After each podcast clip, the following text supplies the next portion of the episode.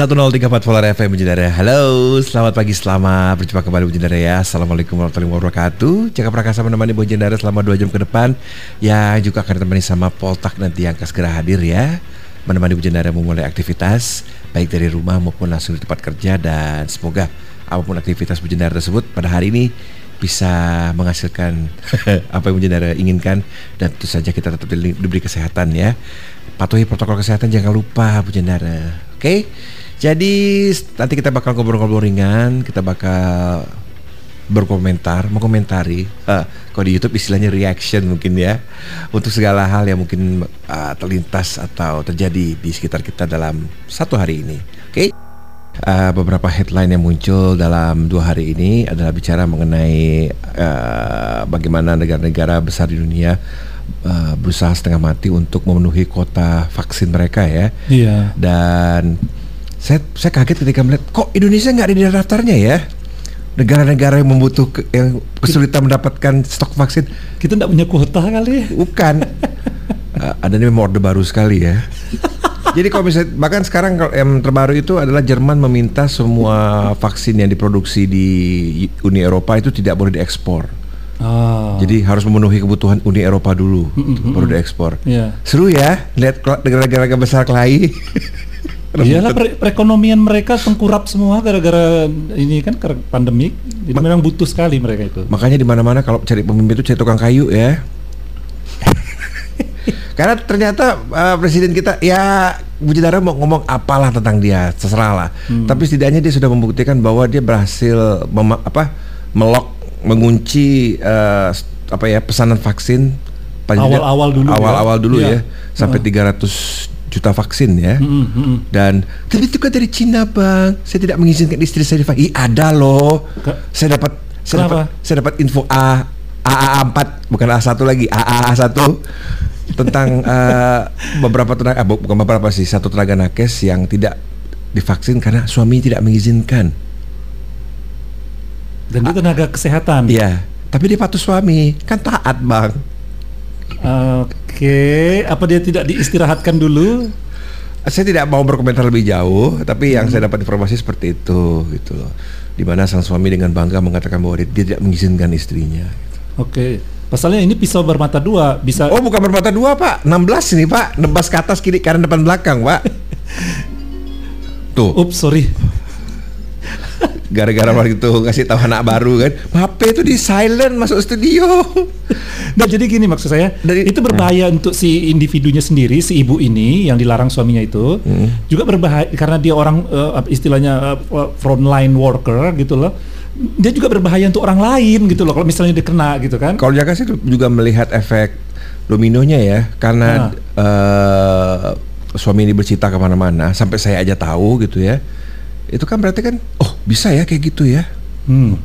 si, si Anu aja yang istrinya tenaga kesehatan tidak mau oh, kok jangan nggak hmm. itu kan ya ya ya karena orang Indonesia ini ya uh, mental apa nunut atau kayak ngebeb istilah bahasa kasar ngebebe, ya, gitu nah, itu masih kuat ya jadi apa yang diikuti orang ramai ikut gitu loh. Jadi apa ya? Uh, seperti sudah pernah kita singgung beberapa hari yang lalu, Bu Jendara kalau misalkan untuk hal-hal tertentu serahkanlah pada yang ahli mm -mm. ya yeah. pada orang yang sudah mendalami masalah ini selama puluhan tahun sepanjang hidup mereka gitu loh mm -hmm. karena semua orang punya keahlian masing-masing gitu loh sekali lagi menonton 15 video dari Facebook dari tweet dari grup WhatsApp tidak membuat anda menjadi ahli virus ya ya betul tidak membuat anda menjadi ahli agama tidak membuat anda menjadi kalau yang ahli konstruksi ahli arsitektur atau ahli tata kota tidak. Kalau isi videonya itu sumbernya bukan bukan orang yang memang benar-benar ahli gitu loh. Kalau pun itu benar-benar ahli tapi itu kan bisa di uh, ya, ya, diaplikasikan ya. dalam kehidupan nyata kan tidak segampang itu. Kita masih perlu membangun kesadaran bahwa semua yang ada di internet itu belum tentu benar. Gitu. Logikanya gini lah, dokter biasanya mengambil pendidikan beberapa tahun, tapi untuk kemudian dia mengaplikasikan ilmu itu kepada publik, mm -hmm. dia harus belajar lagi kan, ya, mengambil sertifikasi lagi kan. Ada dua tahun lah. Iya kan. Itu. Jadi jadi tidak langsung, eh lulus. Jadi dia bisa langsung nyuntik nyuntik orang enggak kan. Nah. Kalau langsung bisa bikin, menteri desa juga bisa. Langsung bikin bikin resep enggak kan. Nah. nah itu kan logikanya sederhana seperti itu. Jadi kita ini kan dikaruniai seba, apa diciptakan sebagai mamalia pertama yang pakai celana. Hmm. Pintarlah sedikit. Iya, ya. iya. We are the first mammal to wear pants itu ya. Iya. Nggak tahu 20 tahun dari sekarang tiba-tiba mungkin cimpanse bisa nemu jemuran isi apa ada celananya terus dia pakai mana kita tahu kan. Oh, saya, langsung saya langsung mempersenjatai diri saya dan rumah saya ini Planet of the Apes ini muncul. atau tiba-tiba kucing bisa ngasih jempol kan. Oke katanya. Jadi selama ini mereka berpura-pura tidak bisa ngomong kan. Tapi ya kita uh, uh, harus uh, bersyukur gitu loh dan dan apa ya kalau saya sih ada ada rasa bangga juga sih ada Apresiasi lah. apresiasi ya presiden Apresiasi. kita gerak cepat gitu loh. Gerak cepat, Karena dia karena gila kita negara kita 200 eh kita sekarang sensus terakhir kan 270 juta ya. Hmm, 275 lah bang. Eh, Nawar lagi. 275 lah bang.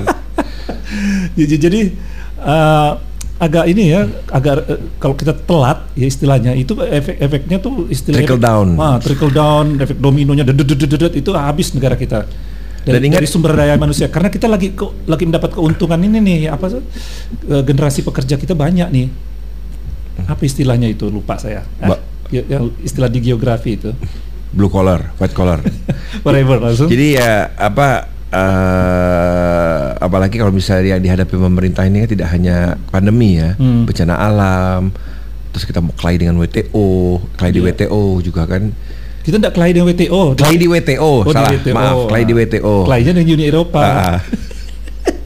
Jadi sebagai gambaran saja Bu Jandaria, eh, negara-negara besar terutama di Uni Eropa sekarang kesulitan untuk memenuhi kuota vaksin untuk memenuhi vaksinasi warganya Hmm. dan kalau misalnya dia bilang perusahaan vaksin terbesar itu di Cina salah ya, ternyata di India Poltak oh oh iya membuat vaksin itu Ah, ah, ah. India. Eh, India tuh image yang kita tangkap kan ada dua.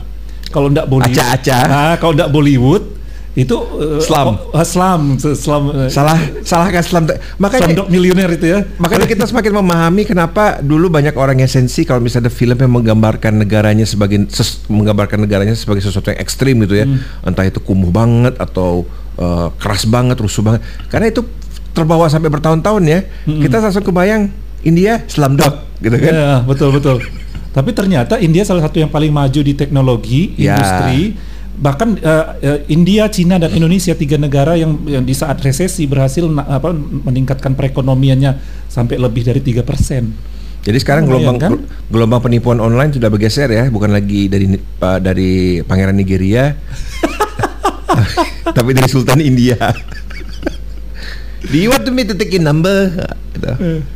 Banyak penipuan itu online. My name is John. I'm calling you from Massachusetts. Gitu.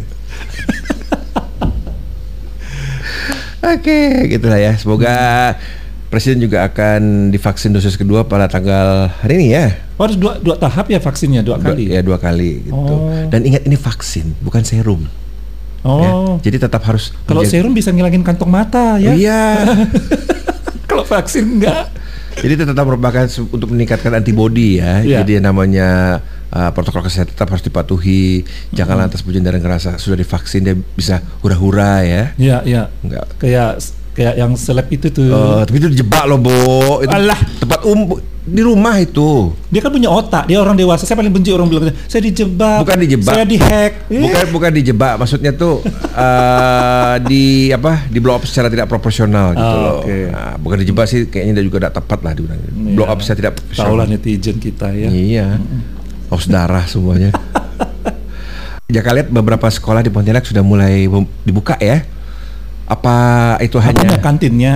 enggak? Karena kemarin di tetangga saya ada yang melihat anak-anak itu pakai seragam SMK gitu. Heeh. Atau mereka hanya kelayapan pakai baju seragam? Enggak mungkin kan? Iya, iya, iya. Apakah sudah dibuka? Sepertinya sudah kali. Mudah-mudahan ada pertimbangan khusus lah ya. Hmm. Gitu. Lalu ini Apa? jadi eh, jangan-jangan mereka ini disuruh upacara gitu loh. Ingat ada zaman dulu kan suka kan sekolah ini harus ada perwakilan satu kelas dua kelas itu suruh upacara di depan kantor wali kota, di depan Porem gitu. Saya suka sih itu. Saya suka. Saya selalu ingin mewakili karena ada sekolah kan. Enggak lah, kan cuma sekitar dua jam aja enggak sekolah. Habis itu balik lagi ke sekolah. Balik lagi. Konyol sekali botak ini. Ngapain balik lagi? Itu kan. Ngapain balik lagi? Aneh. Nggak tahu sih, du- dulu sih kami memang harus di sekolah dulu, nanti diangkut pakai bis, baru habis itu balik lagi pakai bis. Ini usah ikut bisnya. Saya cuma dua, cuma dua tiga, sekali waktu SMP, SMA dua kali dan itu tidak pernah lagi tuh. Tidak pernah balik lagi mungkin ya. Jadi tidak pernah tujuh. Padahal kan dipilih yang paling bodinya paling oke Paling gitu. yang tinggi-tinggi. Ah. Pertama saya tidak mau tapi sekali dengar dua jam ketemu sekolah lain, Hmm. kemudian tidak belajar. Mau mau. Kalau saya sih yang pantau situ ada warung atau ada atau ada warung kopi enggak ya. Habis itu kan bisa santai Mau itu. mau mau. Berteduh. Maka saya kaget pola balik lagi ke sekolah buat apa? Enggak lah. Ya tapi itu uh, kembali bicara serius ya semoga ada pertimbangan khusus lah ya kalau memang sudah dibuka kembali belajar secara tatap muka karena ya yang pasti saya tidak lah tidak mau lah dan anak-anak kan tidak bisa divaksin kan Hmm. usia Di bawah 18. ah, Ya. Dan kita eh oh ya ngomong soal vaksin tadi jumlahnya itu sama dengan jumlah pekerja kita ya. luar biasa kan Jadi memang betul-betul tujuan utama pemerintah kita untuk mengenjot ekonomi dulu sih, Hmm. ya kan? Nah, jadi kalau kita lihat jumlahnya, uh, loh kok sama dengan ini pe- pemilik kartu BPJS? Jadi seperti memang seperti balapan kan antara angka positif dengan vaksinasi itu makanya jangan mandi-mandai lah Hmm. ya mempengaruhi orang. Jadi yang kita prihatinkan kan sekarang ma- malah muncul semacam gerakan anti vaksin dalam tanda kutip ya gerakan orang yang mempromosikan jangan mau divaksin gitu loh. Dasarnya- sampai sampai ada macam gerakannya. Apakah Potak bisa mengedukasi saya apa yang membuat melatar belakangi gerakan ini? I- Iya ketidakpercayaan terhadap pemerintah pertama. Oh, oke. Kalau itu adalah hari pertama saya tidak mau mendengar alasan selanjutnya. Nah, kedua ya religi. Jadi saya tidak mau. Makanya kalau bisa hal Tapi yang, yang saya tahu itu sebenarnya mereka kurang uh, kurang edukasi itu aja sih sebenarnya. Nah, sih orang kalau kalau apa kalau kurang uh, uh, gentong kosong kalau tidak diisi air bersih ya air kotor lah be- berlimparan masuk ke dalam kan. sarang nyamuk deh. Ah, serang nyamuk. Harus pakai jilbab tidak digigit.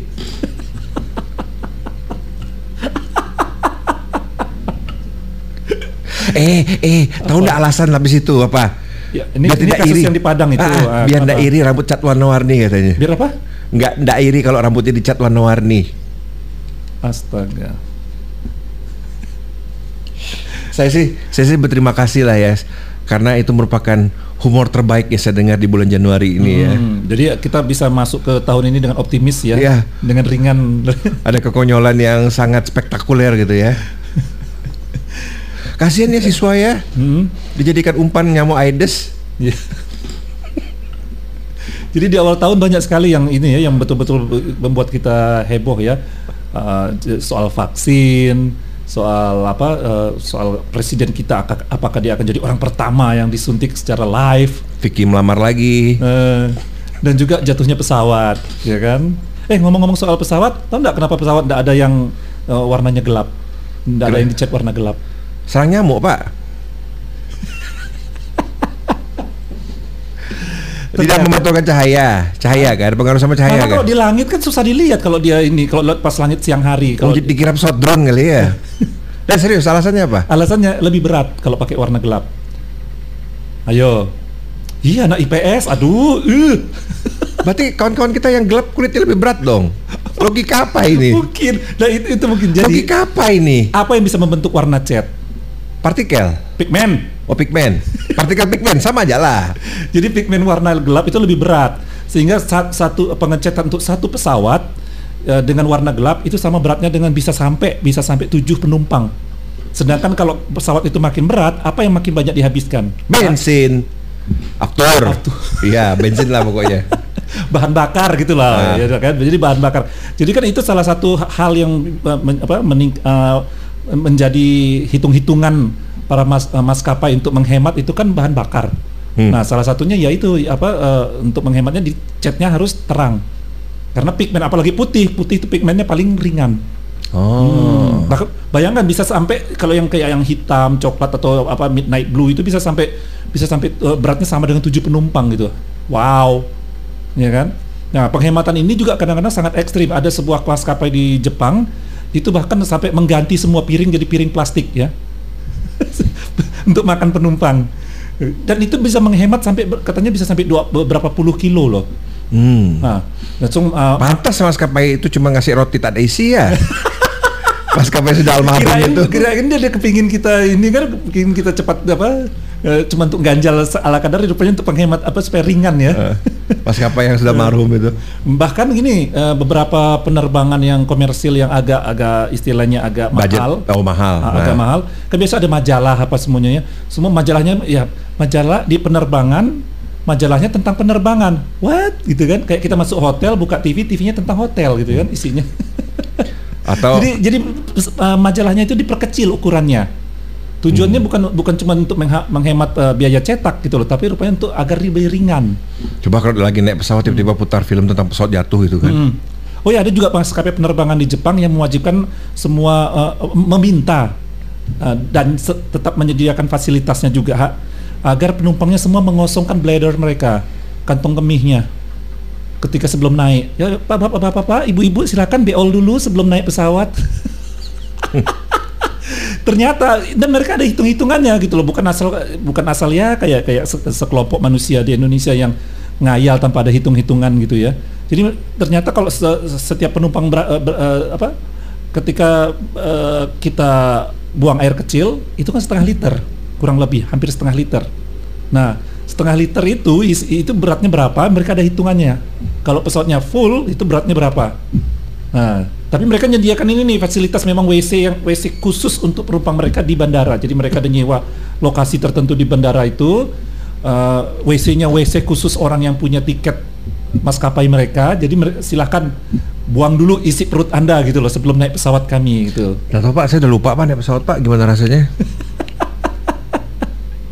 udah setahun naik pesawat. Ya, jadi itulah alasan kenapa eh, mulainya pesawat itu kok catnya semua terang semua gitu, bukan bukan gelap gitu loh. Hmm, karena apa? Karena anak pigmen. Eh, informasi yang menyenangkan di pagi hari. ya menyenangkan. Jadi Jadi nanti kita masuk yang lain. misal berjendara mau ngurat lawan jenis kan, kamu tahu nggak kenapa pesawat catnya nggak ada yang warna hitam? Iya. Ngapa sih bang? Ketegar intelek sedikit kan?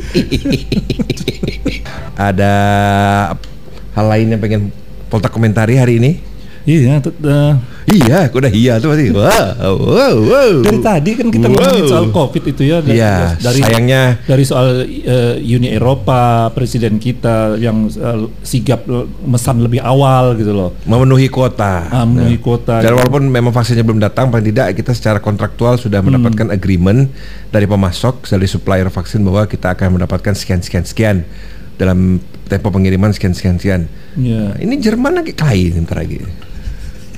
Dan katanya yang lebih seru lagi, jika baru baca-baca lagi artikelnya, Hmm. mereka merasa ditikung Ol- oleh sama sama Inggris Oh. yang mem- yang ternyata memesan tiga bulan lebih dulu melalui sebuah perusahaan swasta. Jadi tidak tidak lewat ke tidak agak lewat government enggak. Ah. Eh, padahal kan harusnya transaksinya itu kan eh, dari per- perusahaan. Oh, oh iya ya kalau kalau beli-beli kayak gitu kan mereka ada aturan EU-nya ya. Ya harus dari government dengan Ah. perusahaan. Jadi nggak bisa via apa PT atau apa nggak Ah. bisa. Ternyata ditikung oleh Inggris. Oh, panas jadinya. Makanya Bu Jendar masih ingat nggak? Ini James Bond yang Timot eh bukan yang Pierce Brosnan kalau nggak salah. Hmm. Yang penjahatnya tuh ingin menguasai sumber air. Nah, The Wall is Ini- not ini- enough kalau nggak salah. masa James Bondnya masih pakai jas ke mana-mana itu. Pierce ya. Brosnan. Iya iya Pierce. Brosnan. sales jam itu loh. Saya jadi kita membayangkan Pak nanti kalau misalkan sumber daya ah, mata air sudah menjadi rebutan ya. Hmm. Siap-siap ya buat pangkalan militer di Sanggau. Ada mata air itu kan? Melindungi. Eh, iya loh. Siapa tahu kan? Mana kita tahu? Tembak-tembakan memperebutkan air kan? Iya. Nah, Ah. Jadi pas hujan tiba-tiba ada payung raksasa yang tumbuh jup mau menangkap air. Langsung tapi tidak mungkin pada pangkalan militer di ini ya di Jawa Barat ya. Nggak bisa. Udah udah longsor semua sumber airnya.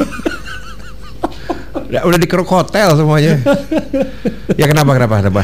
Jadi kalau kita lihat eh, pandemik yang sudah kurang lebih hampir mau setahun ini kan, kalau kita lihat sebenarnya mulainya mulainya malah kan eh, 2019 Desember aja itu udah orang udah kok ada ada pandemik di Cina gitu. Udah pasang kuda-kuda. eh, gitu. Udah pasang Eh eh kalau kalau kalau cerdas pemimpinnya udah pasang kuda-kuda gitu. Pas loh. tahun yang lalu kemarin kan ada yang post ada yang uh, artikel yang diposting itu ya, ada yang ada yang nge-repost uh, ketika Menteri Kesehatan pada saat itu mengatakan enjoy aja, ya kan? Iya, nanti juga hilang. Ih.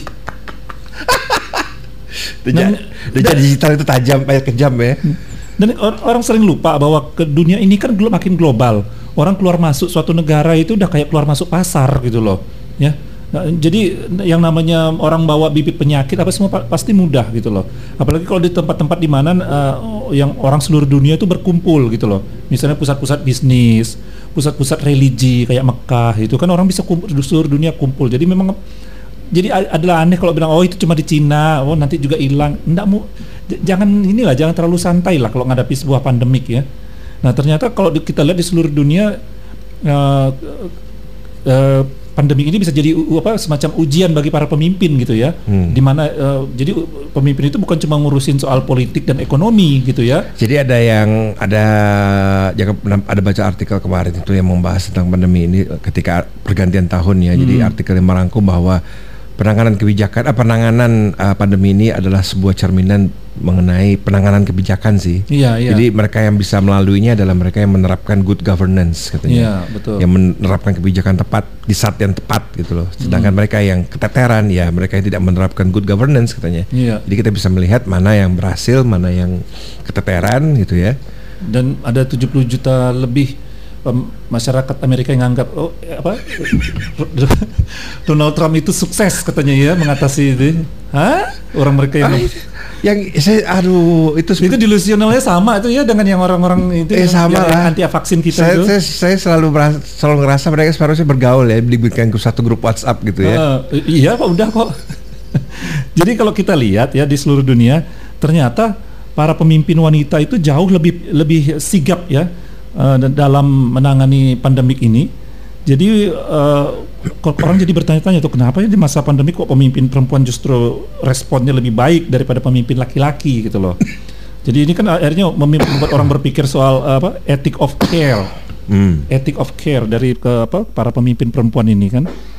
Nah kalau kita lihat banyak contohnya misalnya perdana menteri di apa di Selandia Baru itu salah satu yang sukses itu ya menangani pandemik di negaranya. Kemudian uh, Tsai Ing-wen dari uh, Tsai Ing-wen ini dari Taiwan apa dari Tiongkok ya? ya dia dia uh, ini uh, presiden ini uh, Presiden Wen ini memperkenalkan 124 langkah untuk memblokir penyebaran virus di awal-awal wabah ini hadir pas bulan Januari 2020. Dia udah tahu nih. Gini, gini lah sebenarnya orang tahu gitu ya. Wabah itu jangan dianggap remeh gitu loh. Ya bahkan untuk misalnya gitu oh, rabies oh rabies kan cuma di anjing. Jangan anggap remeh gitu loh ya. Jadi uh, kalau dipikir-pikir ini bisa terjadi karena perbedaan cara ajar antara anak laki-laki dan perempuan. Nah sehingga ketika menjadi pemimpin mereka mereka punya uh, hal yang khas dalam memimpin terutama dalam ethic of care-nya ya Nah, para pendukung Donald Trump itu kan bilang katanya tidak bagus perempuan, bahkan perempuannya sendiri bilang tidak perempuan tidak boleh jadi pemimpin katanya para pendukung itu karena terlalu emosional. Dalam begitu jadi presiden dalam lima dalam lima menit dia akan sudah memulai perang katanya. Oke bu, oke bu. Tapi ngomong-ngomong yang memulai perang selama ini laki-laki gitu loh, itu loh jadi terdiam kan. nah jadi eh, perbedaan ajar antara anak laki-laki dan perempuan ini karena perempuan eh, mayoritas dibesarkan dengan menggunakan ethic of care ya. Sementara laki-laki lebih banyak dibesarkan dengan ethic of justice. Nah, gitu. Jadi kita lebih banyak memikirkan keadilan sedang perempuan lebih banyak memikirkan uh, care itu apa? perhatian, perlindungan apa? Kalau eh, eh, lebih tepatnya apa tuh? Care. Care. Penyayangan. Peduli. Nah, lebih cocok itu. Karena bisa multi multi ini sih, multi translate sih, ya. gitu loh, care ini kan. Jadi perempuan sejak kecil diarahkan untuk peduli pada kebutuhan orang lain, sedangkan laki-laki dibesarkan untuk mengabdikan diri pada dunia usaha seperti hukum ya, oh Batak bener, tata negara, oh Batak lagi. GBHN ya. Ya, kemudian tata negara dan bisnis ya sehingga laki-laki itu mengembangkan bahasa keadilan jadinya lebih lebih mengembangkan pada bahasa keadilan atau ethic of justice gitu loh. Nah, jadi ingat uh, loh, keadilan loh, bukan kebenaran loh. Astaga. Aduh. Begitu pintu realita terbuka kadang-kadang kita langsung terdiam ya. Ah, gitu. Ya kan? Ternyata yang di, di luar sana Harus kita ingat loh, sebenarnya keadilan dengan kebenaran tidak selalu sama. Tidak selalu beriringan. Iya. Ya, dan kadang-kadang tidak terlalu tidak selalu berangkulan. Makanya dibilang itu kan apa uh, dewi keadilan kan, bukan dewi kebenaran kan? Iya, dan dewi keadilan itu justisia itu Uh, buta. bukan buta, dia menutup matanya Pada pada kebenaran. agar dia tidak tidak apa agar dia betul-betul adil, tidak bias. Ya, gitu Oke deh. Hmm, Dan dia perempuan ya yang di Iya, bukan dewa keadilan kan, dewi keadilan. Hebat ya orang-orang zaman dulu itu ya. Iya, jadi jadi gini, gini loh. Anak Zeus itu ada punya tiga dia kan tahu lah Zeus Lalu jadi Zeus dari pandemi. Macam mana kau nih? jadi enggak, Ah. ini intermezzo. Zeus itu kan eh, menyebarkan be- benih nafsu dia di mana-mana. Jadi dia punya anak banyak. Ya kan dia berubah jadi gagak tiba-tiba uh, meniduri siapa gitu Dia kan. berubah jadi Taurus si si kerbau itu tiba-tiba Eropa hamil gitu kan. Eropa. Whatever. Hmm. Jadi nah dia ada, dia punya anak ada kembar tiga itu Justisia, Prudensia dan satu lagi saya lupa namanya. Prudensia ini yang bisa memprediksi Jiwa seraya. Hmm. Kan Ini mana anak Zeus. Prud- tadi apa? Justisia, Prudensia, Prudensia, jiwa atau- seraya. saya lupa yang satu lagi. Nah, Pruden- jadi Tuh, sorry, dan sorry, semuanya sorry. perempuan ya, Ya. yang, yang memegang keadilan perempuan, yang memegang uh, apa prediksi untuk ke masa depan, melangkah ke masa depan. Prudensia itu megang cermin masa depan. Ya tahu, Nah, tahu lambangnya kan. saya. Saya Jadi- pernah dijelaskan sama salesnya. Ah, gitu. Jadi perempuan itu betul-betul ya sesuatu yang istilahnya untuk kebaikan orang ramai itu selalu di- diistilahkan di, di tangan perempuan gitu loh. Botak ingat nggak film Minority Report dari Tom Cruise itu? Orang Ya, eh, lupa-lupa ingat makhluk ya. mal- apa eh, entitas yang bisa meramal masa depan itu kan juga perempuan Iya, digambarkan. Betul betul. Ya kan? Jadi suatu Yang bisa meramal kejahatan di masa depan itu perempuan, bukan laki-laki. Jadi kalau kita istilahnya kalau kita melangkah ke masa depan jangan perempuan ikut sertakan harus gitu loh. Jangan orang jangan diabaikan perempuan ketika kita melangkah mengambil keputusan ke masa depan. Ya. Nah, jadi eh, jadi apakah perbedaan ajar ini selalu bisa mempengaruhi kepemimpinan? Nah, ya jawabannya jawabannya bisa iya, bisa tidak kan? Nah, dalam psikologi ada teori besar yang memiliki asumsi bahwa manusia dipengaruhi oleh alam sekitar, termasuk cara ajar, ya.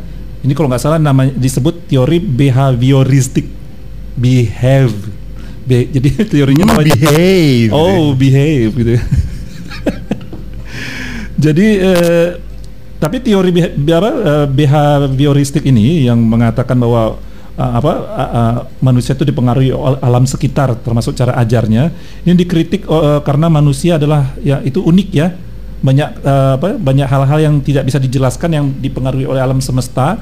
Dan juga manusia itu kan multi layer gitu loh. Dan pengaruh pengaruh kehidupan manusia dari lahir sampai dia dewasa itu kan bisa macam-macam. Bukan cuma lingkungan aja dan atau alam aja kan. Nah jadi Nurture sama nature. ah oke Iya, oke, oke. it takes a village to raise a, a child gitu Uh-uh. kan Ya. bapak saya bilang enggak aku aja Let's bisa burn down the village.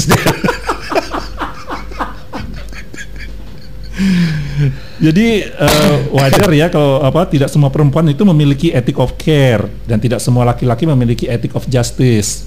Oke. Justice ya. Hmm. Eh, apa, eh, karena tidak semua perempuan dibesarkan dengan nilai yang yang sama gitu kan begitu juga laki-laki. Jikapun di, eh, seorang perempuan dibesarkan dengan ethic of care, tidak semua perempuan dipengaruhi oleh cara ajar yang yang yang sama Hmm. ya kan. Nah, oleh karena itu pola asuh antara laki-laki dan perempuan seharusnya tidak dibedakan, ya kan? Alias kita harus menggunakan pola asuh yang adil, ad- adil gender, gitu loh istilahnya. What? Adil gender, What? gender, gender Neutral. Hah? Gender neutral. Neutral itu netral. Adil apa bahasa Inggrisnya yang yang Just. just, Oh. justice, just. Oh, iya. Oke. Jadi laki-laki dan perempuan itu Fair lah, fair. Fair, Ah. oke.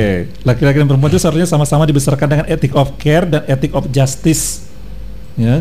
Seperti yang di eh, apa eh, yang dikatakan oleh beberapa pakar bahwa kepedulian itu harusnya bukan hanya tugas perempuan saja, tapi keduanya, laki-laki dan perempuan. Hmm. Nah, itu itu yang apa salah satu pemikiran uh, kita kenapa kalau kita lihat kenapa uh, pemimpin perempuan di dunia ini lebih lebih apa lebih responsif terhadap penanganan uh, pandemik ya. Oh, Nah, larinya ke situ. Iya, kan tadi awalnya dari situ kita Oh. bilang ba- kenapa banyak pemimpin perempuan lebih lebih sukses menangani pandemik ini gitu loh karena mereka ethic of care gitu loh. Angela Merkel dak tuh. Sedangkan Indonesia, oke okay lah kita Indonesia misalnya eh, eh, Pak, Pak, Pak Jokowi kan laki-laki dibesarkan dengan ethic of justice. Jadi pertimbangannya banyak. Jadi caring caring nanti dulu, oke, okay, I care, tapi nanti dulu. Jadi pertimbangannya ma macam-macam kan? Nah gitu loh. Walaupun akhirnya kita harus, harus akui beliau cepat tanggap ya. Jadi cepat. salah Jokowi ini? Enggak. Saya mau lihat mentalnya. Aduh. Udah ngomong panjang lebar 15 halaman kan. Jadi Bapak pikir ini semua salah Jokowi.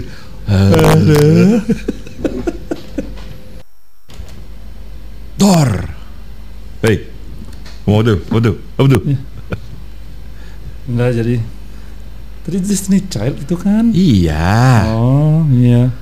Alias Beyonce dan kawan-kawan. Mm -mm. Salah satu dari mereka sudah hijrah ya menjadi pelayan Is, uh, pelayan gereja. Jadi uh, istri dia bahkan sudah menikah dengan seorang apa pendeta kulit putih. Uh, uh, the whole nine yards ya. Cinta tidak mengenal batasan warna dan keras. Uh, Oke okay deh. Terus? Yang penting seiman bang. Oh. Aduh, kedutan sama mata saya nih. Seimam. Kedutan. nah, jadi uh, gini loh Uh, kan kita tidak akan ngomongkan soal uh, kontroversi yang, yang lagi rame-rame di Padang itu. Mau kali, Voltak mau kali. Kan uh, apa orang yang kenal saya pasti tahu saya suka sejarah. Jadi saya melihat ini sejak kontroversi soal jibab ini mulainya dari kapan ya gitu loh. Jadi dari saya, zaman cering. Potek ini nah, jadi gini, sebentar. Tapi ternyata, sebentar. ternyata apa apa. Potek ini selalu bisa menemukan cara untuk menginjak-injak orde itu ya. Kenapa sih? Kayaknya benci banget itu. Ada aja artikel apa pun dikaitkan ke sana. Hmm. Ya adalah silakanlah saya I'll entertain you. Jadi Jadi sebenarnya kalau kita lihat kontroversi ini uh, mulainya dari kapan? Oh, dari zaman dari zaman kecing orde baru gitu. Tapi ternyata itu pengaruhnya bukan karena dari Indonesia sendiri gitu loh. Tapi hmm? karena dari pengaruhnya dari luar. Oh ya? Ya, terutama dari Iran. Oh. Nah, jadi dimulainya Khomeini itu, itu ya? Iya, revolusi Iran itu. Oh. Jadi uh, sebenarnya ini udah berlangsung 40 tahun kontroversi soal apa soal jilbab ini ya. Nah, ini uh, apa berbagai kontroversi ini timbul tenggelam timbul tenggelam bahkan akhirnya melibatkan uh, beberapa pihak uh, dari uh, dari pemerintah terutama dek apa istilahnya dek dikbud dep dikbud departemen pendidikan kebudayaan ya. Uh, kemudian uh, jadi kontroversi ini uh, kalau kita lihat sebenarnya ter, bukan terjadi di Indonesia aja ya, di Eropa pun begitu ya, ya. Prancis, Belgia. Segala hal yang berhubungan dengan hmm. keagamaan serta segala macam atribut prosesi, hmm. bagaimana cara itu selalu akan menjadi apa ya?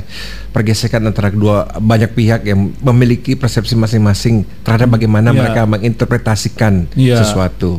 Nah, bu, sebenarnya bukan cuma simbol agama aja di, di mana pihak-pihak apa pihak religius ikut campur uh, bahwa bahwa pernyataan bahwa baju pengantin harus putih itu aja sebenarnya udah jadi kontroversi yang gitu bisa, loh. Ya, yang bisa diributkan padahal tidak perlu. Ah, ah, gitu loh. Tapi pihak akhirnya pihak gereja atau pihak ulama gitu tuh ikut-ikut campur mem, apa istilah mulai dari bentar, menenangkan, bentar, bentar. mulai menjelaskan saya pakai topi, sampai akhirnya saya pakai topi, gitu. saya pakai topi netizen dulu. Oke. Okay. mulai dari menenangkan sampai menegaskan gitu ya. Jadi uh, kalau kita lihat munculnya kontroversi ini dikait apa, sering kali di, di, uh, dikaitkan dan dihubung-hubungkan dengan suasana persaingan politik dalam tanda kutip ya di berbagai negara ya. Jadi apalagi juga di Indonesia di masa lalu hingga kini Indonesia yang apa yang pro pro Islam dan kelompok yang pro nasionalis itu selalu meng, mengangkat isu jilbab ini gitu loh. Ya, dan ini ter, persis terjadi sekitar era 80-an. Nah, soal pemakaian jilbab di Indonesia sendiri mau tidak mau hadir ketika uh, muncul revolusi Iran yang dipimpin Imam Khomeini ya, Ayatullah Khomeini pada tahun 1979. Nah, pada masa ini Indonesia belum pernah orang-orang Indonesia tidak ada nanya, "Kamu Sunni apa sih ah?" Semuanya bilang, "Oh, Anda Islam." Oke, okay. gitu. Sini. ya kan? Kalau sekarang kan ditanya, ya kan? Saya mau komentar. Bahkan saya yang non muslim aja ngerasa gitu loh. Oh, pakai harus ditanya toh sekarang. Karena saya lahir saya udah besar di era 70-an waktu itu tidak ada orang nanya-nanya kayak gitu kan. Apakah Nah- kalau agama harus ditambah? Sekarang ada sub sub, sub agamanya. Maybe who Jadi, knows? Misal Katolik, masa depan. Katolik ada lagi bawahnya. Ah, Roma, apa Protestan ada Ortodoks, lagi bawahnya iya, kan? ah. Protestannya eh, organ apa band? Ah. Itu Potak yang ngomong ya. Potak Potak yang bilang Bu Jendara bukan bukan saya. Sorry. Nah, jadi pada sekitar eh, revolusi Iran Beda kah? Hah? Beda kah? Kan lebih progresif yang pakai band, Pak, daripada yang pakai organ.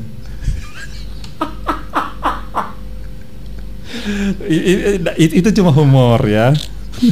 Nanti ada pendeta ber- pendeta berdasi besar datang marah-marah ke sini saya tidak tanggung ya.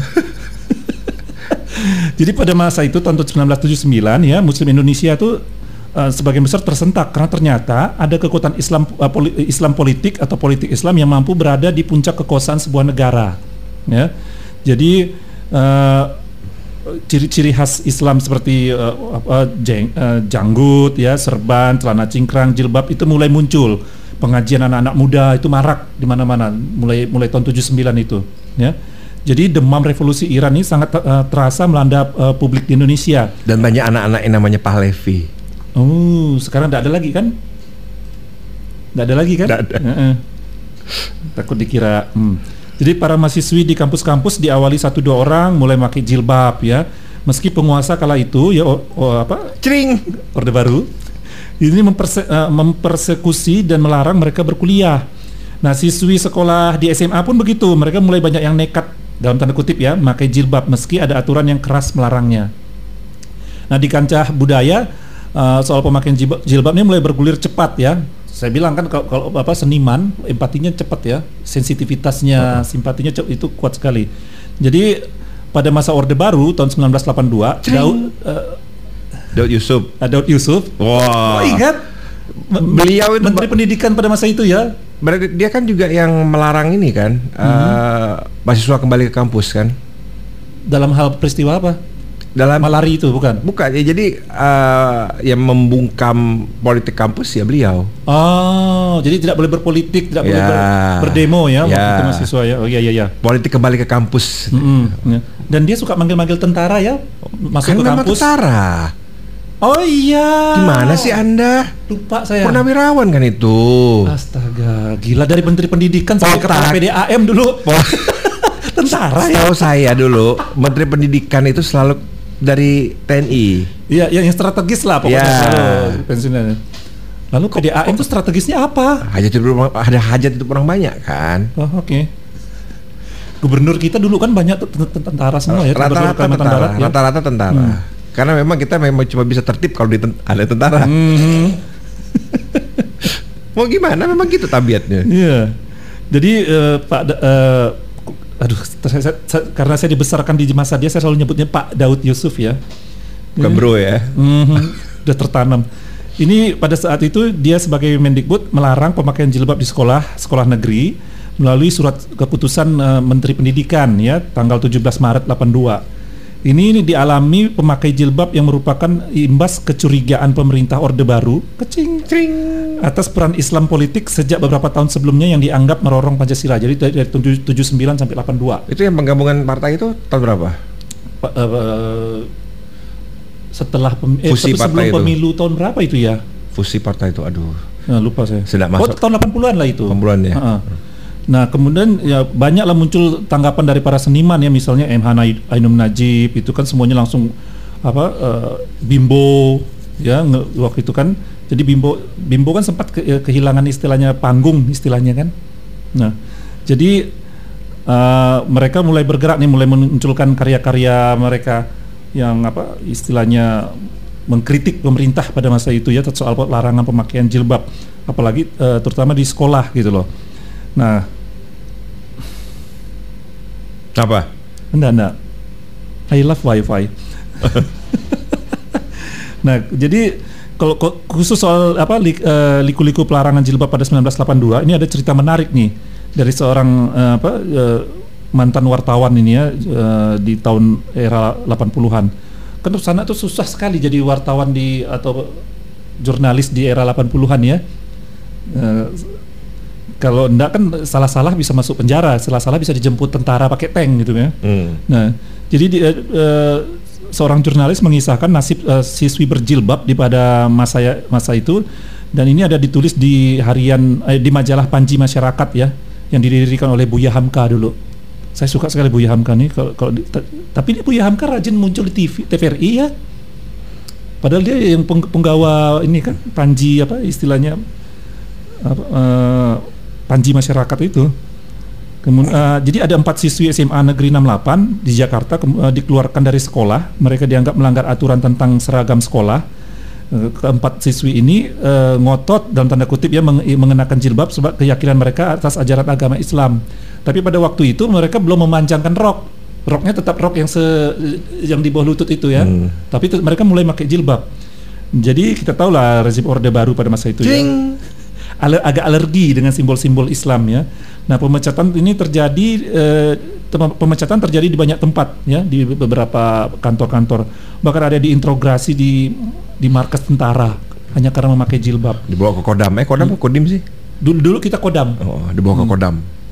Nah, da, menurunkan bendera pas ajan maghrib dibawa ke Kodam. Nah, jadi seakan-akan tidak ingin lengah ya pemerintah Orde Baru pada masa itu menegaskan larangan penggunaan jilbab di sekolah negeri ya. Dirjen Pendidikan Dasar dan Menengah itu mengeluarkan SK-nya khusus tentang seragam sekolah. Intinya tidak ada ruang bagi pengguna jilbab di, di sekolah negeri ya. Nah, um, yang makin seru itu kemudian muncul rumor yang dihembuskan oleh ya biasalah ante-ante Orde Baru kan.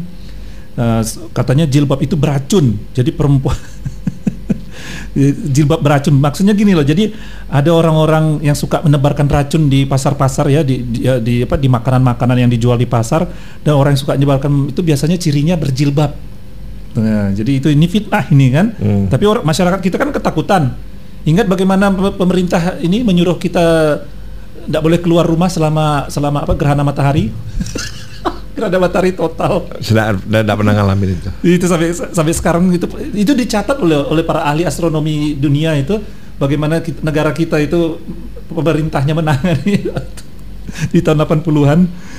Nah, jadi pernah ter, sampai terjadi seorang perempuan itu dihajar massa ya dengan tuduhan menyebar racun di bahan makanan. Ini kan absurd ini ya. Jadi stigma negatif ini kan.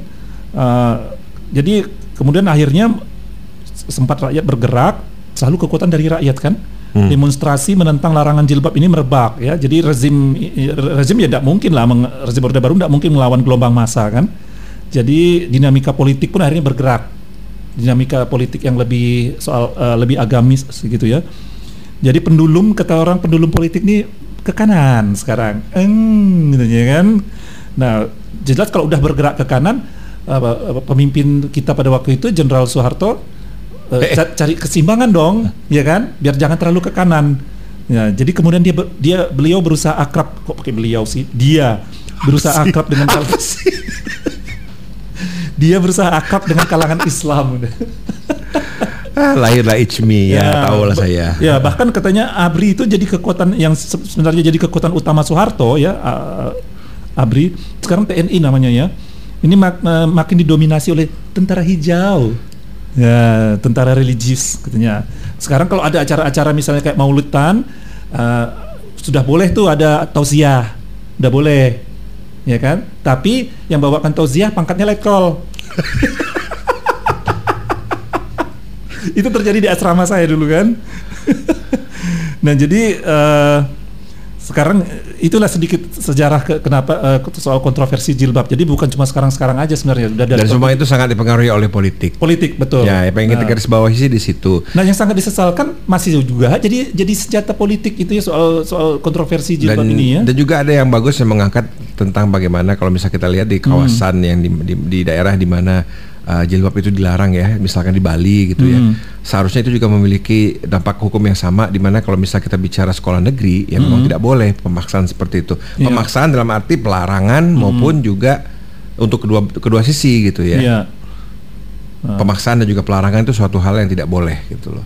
Nah itu sebenarnya uh, di, uh, dulu kan beberapa uh, instansi misalnya kayak TNI apa itu uh, agak gamang mereka soal jilbab ini kan ternyata bisa diakomodir kok bisa disesuaikan gitu kan uh, para apa para abdi negara kita yang yang wanita bisa kok berjilbab disesuaikan juga dengan seragamnya apa gitu kan sebenarnya jadi cuma perlu ini aja urun rembuk aja sih pemikirannya kan tidak perlu tidak perlu terjadi kontroversi sebenarnya. Oh, Tapi kalau udah yang naif sekali kamu botak.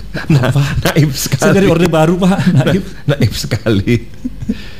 Ya gitulah ya. Semoga itu memang sekali lagi yang namanya pelarangan maupun pemaksaan itu adalah kedua hal yang tidak boleh. Mm-hmm. Ya posisi saya sih secara pribadi tetap seperti itu. Jadi kalau misalnya memang kita bicara mengenai sebuah sekolah negeri, ya kebijakan itu tidak boleh pilih kasih. Mm-hmm. Lain kalau misalnya kita bicara mengenai sekolah swasta Hmm. Ya, itu beda cerita. Itu yeah.